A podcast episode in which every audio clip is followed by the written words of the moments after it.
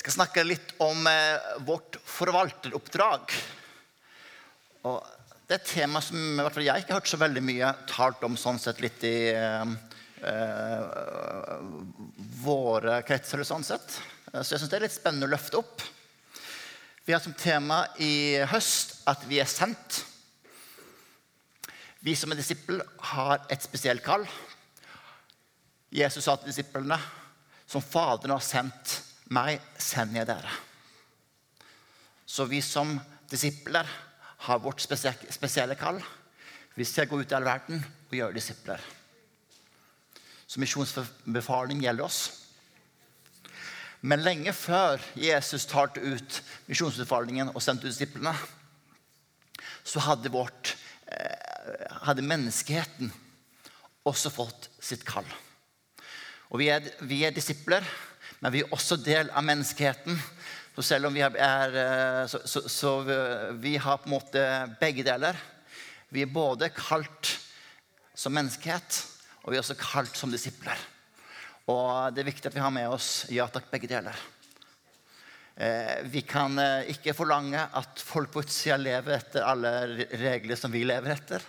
Men vi kan i hvert fall forlange at folk tar eh, det generelle kallet på alvor. Og det vi skal se på i dag. Så mange tusen år eh, før Jesus sendte ut disiplene, og i skapelsen, så også, ble også menneskeheten sendt. Gud skapte mennesket i sitt bilde. Gud sa, 'La oss lage mennesker i vårt bilde, så det ligner oss.' De skal råde over fiskene i havet og fuglene under himmelen, over fet og alle ville dyr og alt som kryper og som kryr av på jorden. Og Gud skapte mennesket i sitt bilde. I Guds bilde skapte han det. Som mann og kvinne skapte han det. Når, Jesus, nei, nei, når, Gud, når, Bibelen ønsker å formidle noen ting viktig, så sier den ofte ting flere ganger. Så bare på det verset her så ser vi at uh, å bli skapt i Guds bilde er gjentatt tre-fire ganger. Så det er viktig. Det er uh, Gud har lagt noe av seg sjøl ned i oss. Noe unikt med oss som ligner på ham. Vi deler én ting med hele skaperverket. At vi er del av, av det skapte, mens Gud er skaperen.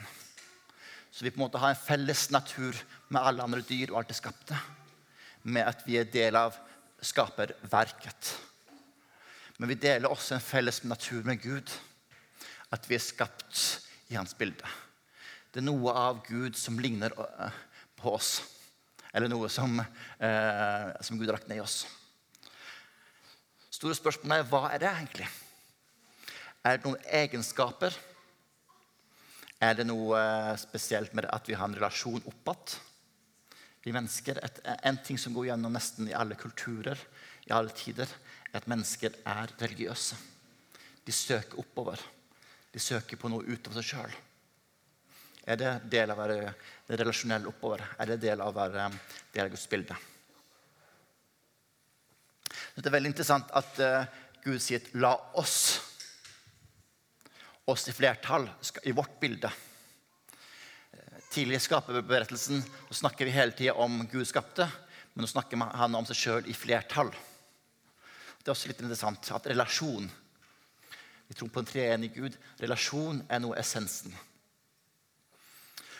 Men også at vi er skapt til å gjøre noe. Vi er en oppgave. Vi har et ansvar. Vi har en moral. Vi har en følelse av rett og galt. Og det er kanskje det som skiller oss fra dyrene. Så det er litt av det har skapt i Guds bilde. At vi har en relasjon oppover. At vi skaper et oppdrag. At vi har moralsk tankegang. Vi kan se oss sjøl litt på eh, utsida. Vi har en samvittighet. Vi kan ta ansvar. Vi handler ikke bare på instinkter. Og med alt det her, når Gud gir oss oppdrag, så gir han også ressurser. Han har gitt oss vanvittig fornuft. Gud er kreativ, han skaper. Og har lagt ned skaperkraften i oss.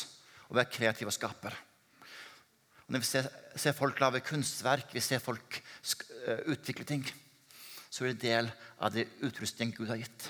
For han sjøl er kreativ. Han sjøl har skaperkraft i seg.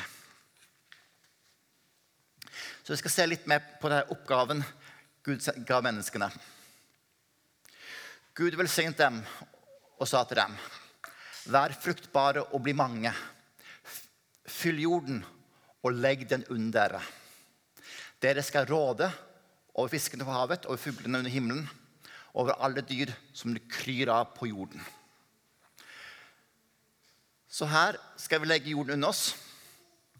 Vi skal råde. Det har blitt brukt opp i historien som en unnskyldning at vi kan herske og vi kan bruke jorden til å utnytte den. Men eh, det er ikke nødvendigvis det det betyr. Hva betyr råde?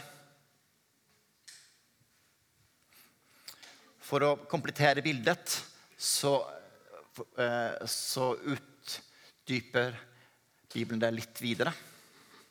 Vi ser i neste kapittel i første Mosebok så satte Herren mennesket før syndefallet i Edens hage for å dyrke og passe på. Litt annet eh, bilde på en måte enn å råde og herske. Og mennesket fikk også oppgave å gi navn til dyrene. Det som er interessant i Gammeltestamentet og i antikk historie antikkultur, så var det navn, å gi navn veldig viktig. Det var gjerne det på en måte patriarken sånt gjorde, eller familiefaren på en måte ga navn. Og navn betydde mye. Så det at uh, mennesker skal gi navn til dyrene, viser litt dem stilling.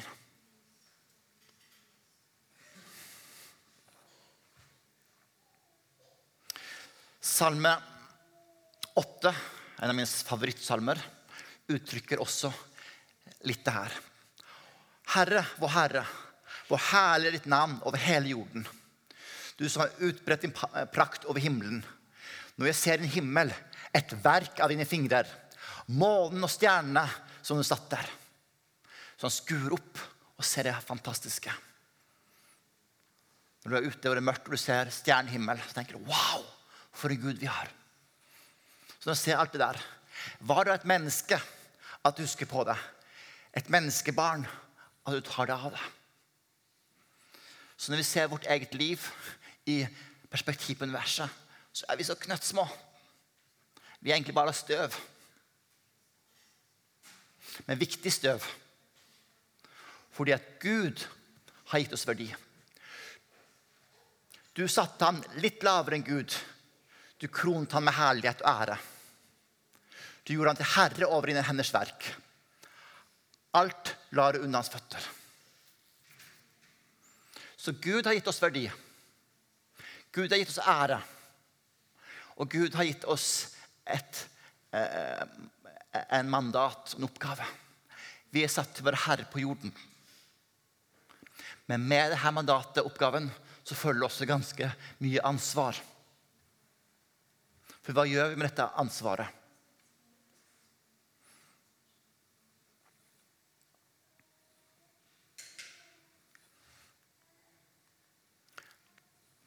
Betyr det at vi kan på en måte utnytte og grabbe til oss mest mulig og få maks ut av allting? Eller betyr det noe annet? Er skaperverket der kun for vår utnyttelse og vår glede og vår eh, At vi skal trekke mest ut av det?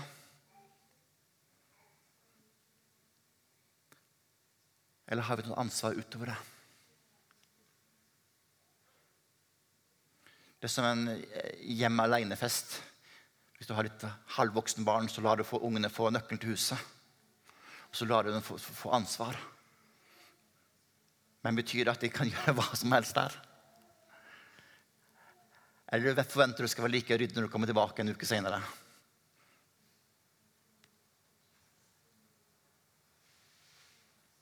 Vi skal begynne å se litt på dyrene.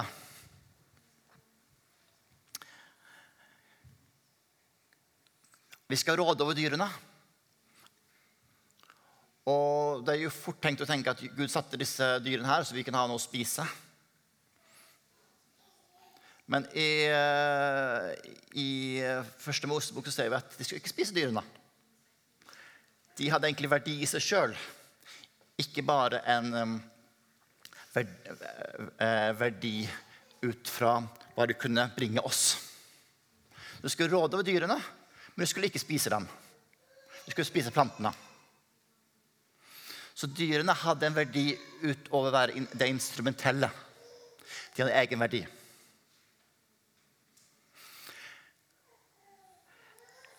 Etter syndefallet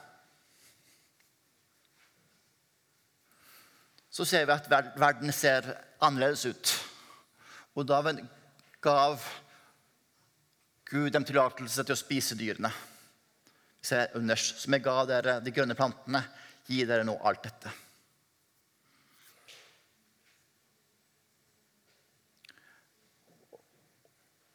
Og det kom frykt og redsel inn i skaperverket. Det var ikke før.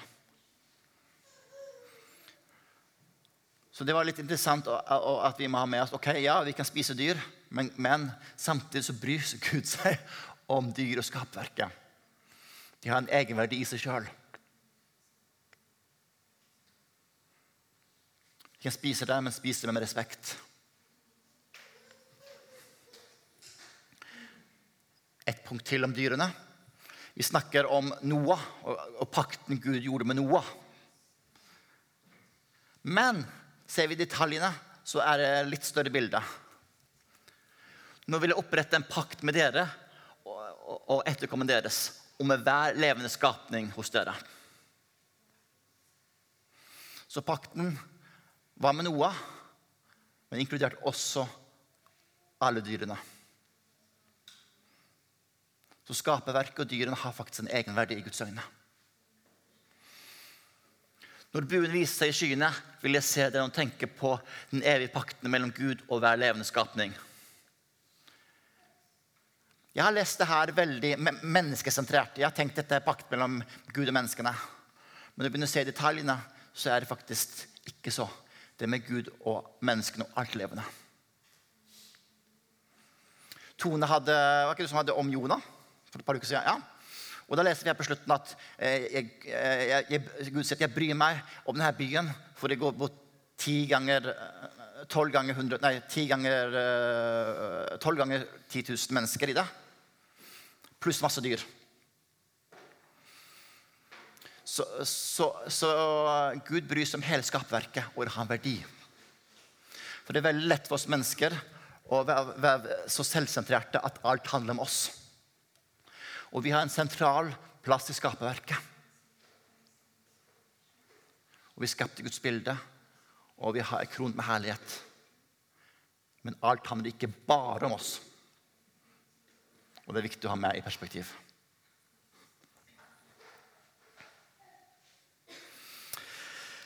Hvordan vi ser på naturen, påvirker våre handlinger. Og siden den første kirke så har vi et problem at vi har blitt preget veldig mye av gresk filosofi, som har vært veldig dualistisk. En har delt opp tankegangen, men ånd der oppe og materie her nede. Og vi kristne har hevet oss på det her og har vært veldig mye mer Vi har vært mye mer åndelige enn Gud på mange måter. Vi er opptatt av det åndelige, men Gud er opptatt av helheten. Og vi lar et skille at det, det der oppe er viktig, men her nede er mindre viktig. Og det påvirker oss vi ser på naturen. Og åssen livene blir. Vi begrenser kristenlivet til gudstjenestene og det åndelige, ikke til hele livet. Men Gud bryr seg om helheten.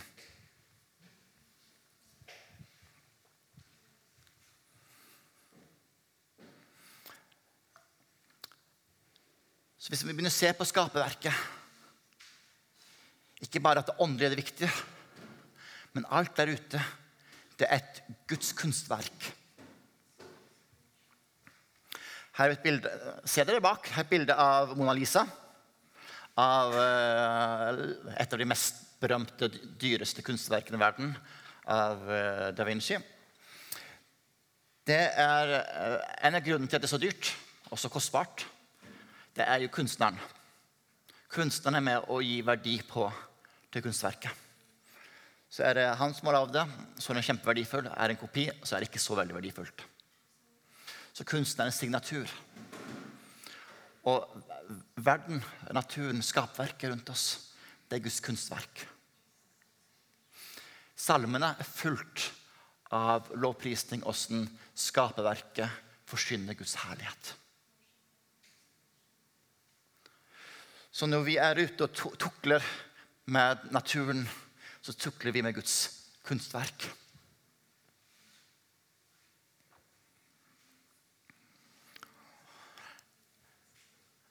Skaperverket er fantastisk.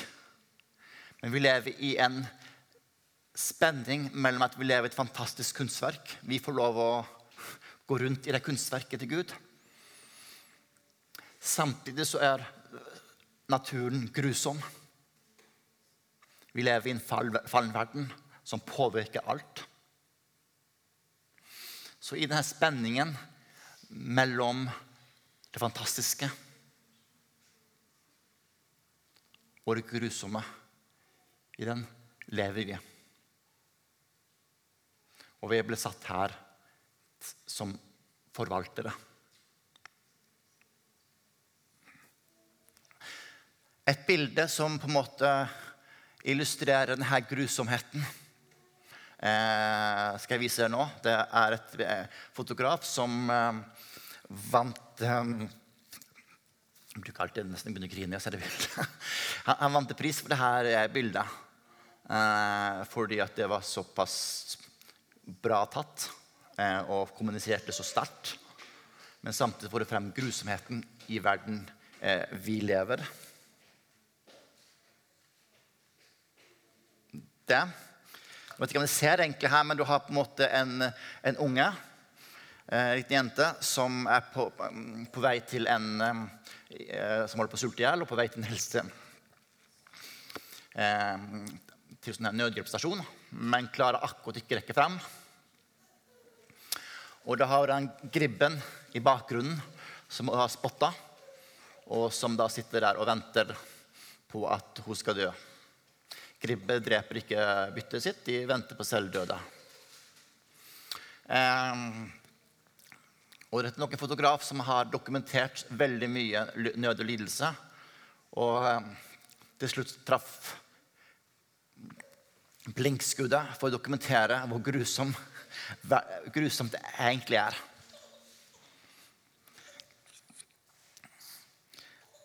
Problemet med bildet her er jo at du har også en det, det, det, du, du, har gribben, og du har, du har eh, babyen. Du har tredjepart her som med, som har tatt bildet. Som sitter og venter. Så han, Fotografen her han fikk eh, masse pris for bildet. For det kommuniserte egentlig grusomheten av den verden vi lever i. Som vi er herre over. Som vi er skapt til å forvalte. Eh, tre måneder etter han fikk disse prisene, så tok han selvmord. Eh, og, og en av grunnene at han klarte ikke leve med den verden. For en person som har sittet her på sida og kunne gripe inn, men heller valgte å vente for å få det perfekte bildet. Og Det er det som er på en måte spesielt med oss mennesker. Vi har et valg. Ikke bare fotografen, men vi har et valg. Vi er ansvarlige. Vi er satt til å forvalte. Vi kan la naturen gå sin gang. Men vi er kalt til å handle.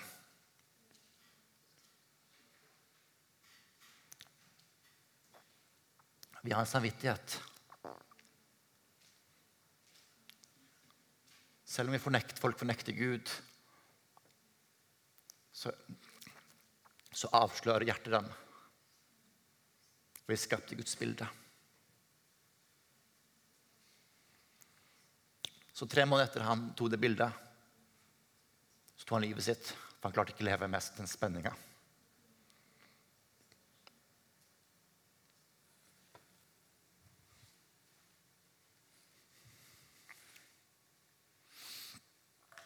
Så vi lever i en verden som er fantastisk. Men pga. syndefallen så er det også grusomt. Og vi lever på en måte i den mellomfasen mellom syndefallet Så kan vi lese opp i åpenbaringen om hvordan Gud skal gjenopprette allting. Så vi lever i den spenningsfasen der. Men midt i den fasen så har skjedd noe. Da har vi korset. Gud har forsona verden med seg sjøl. Og vi kan få en delvis gjenopprettelse av skapverket. Fotografen han trengte ikke ta sitt eget liv. Men for det fins en annen løsning, og det er korset. Det er tilgivelse, gjenopprettelse. Og så blir vi sendt ut til å bety en forskjell. Fotografen der kunne handla. Men jeg er ikke noe bedre, for jeg sitter her på min gode hest og har, og har masse penger i banken og fullt kjøleskap og allting. Men jeg blir med bare meg, meg, meg.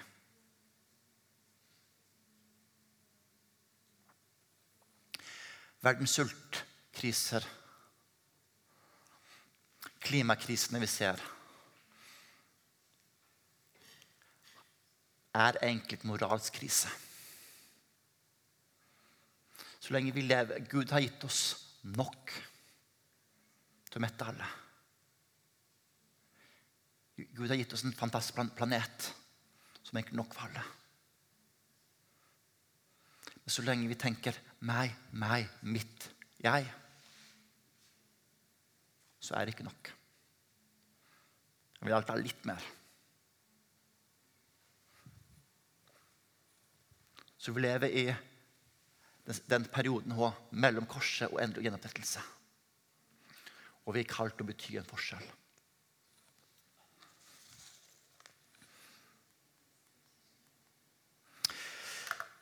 Jesus, når han gikk på jorden, så gikk, hadde han en ganske spesiell hendelse. Han gikk inn i tempelet, og så drev han ut de som solgte og hadde gjort om hans fars hus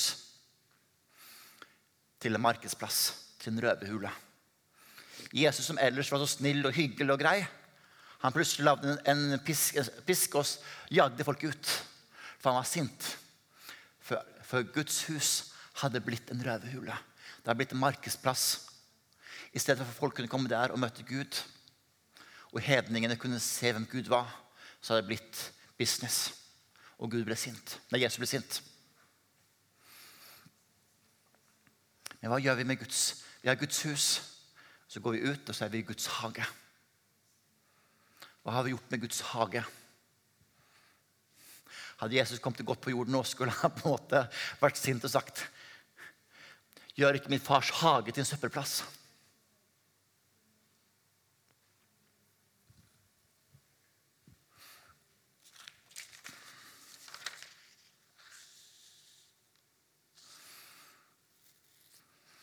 Så lenge egoismen rår, så er det ikke mye håp.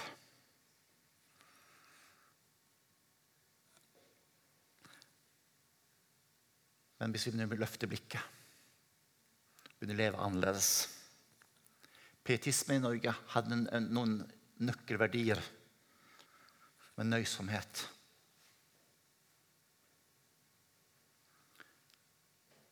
Kanskje vi må tilbake til Vær forsiktig, lille finger, hva du gjør. Men kanskje vær forsiktig, lille hånd, hva du kaster.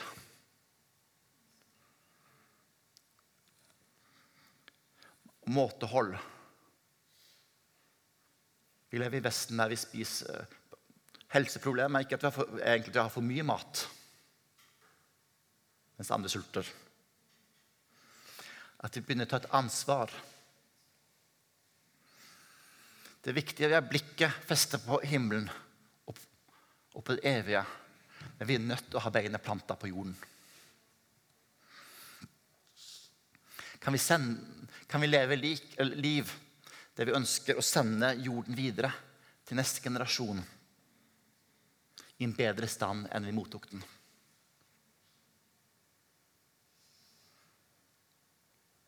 Gud forvalter ikke jorden lenger. Han gjør det via oss. Han har på en måte satt det ansvaret på oss. Og han vil skape en ny himmel og en ny jord etter hvert. Men i mellomtida er vi ansvarlige for å forvalte den. Jeg skal snart begynne å gi bilen videre til guttene mine. De er, er 16-17 år, snart skal de få lappen, snart skal de ut og kjøre. Og Da håper jeg og forventer jeg å få bilen tilbake i samme stand som jeg ga dem. Og klart, Du kan være uheldig, men jeg håper ikke at de tenker at nå kan jeg kjøre villmann, fordi pappa kommer sikkert til å kjøpe ny bil etter hvert.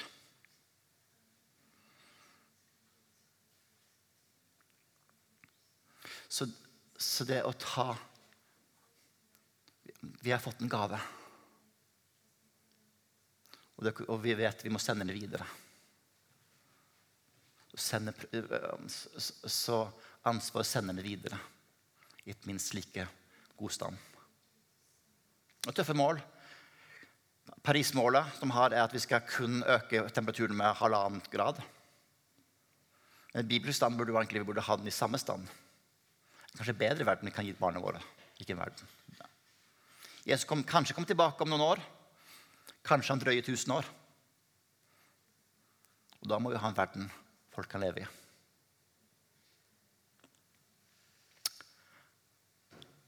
Så her, her, er utfordringen gitt.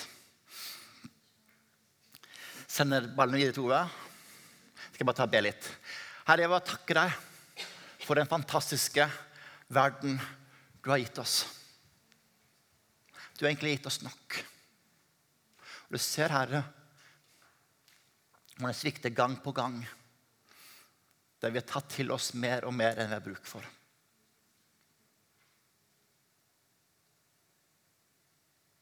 Herre, hjelp oss å være gode forvaltere. Hjelp oss å ta ansvar. Ikke bare for det evige, men her og nå. Hjelp oss å være mennesker, foreldre som ønsker å sende verden videre til neste generasjon i en god stand.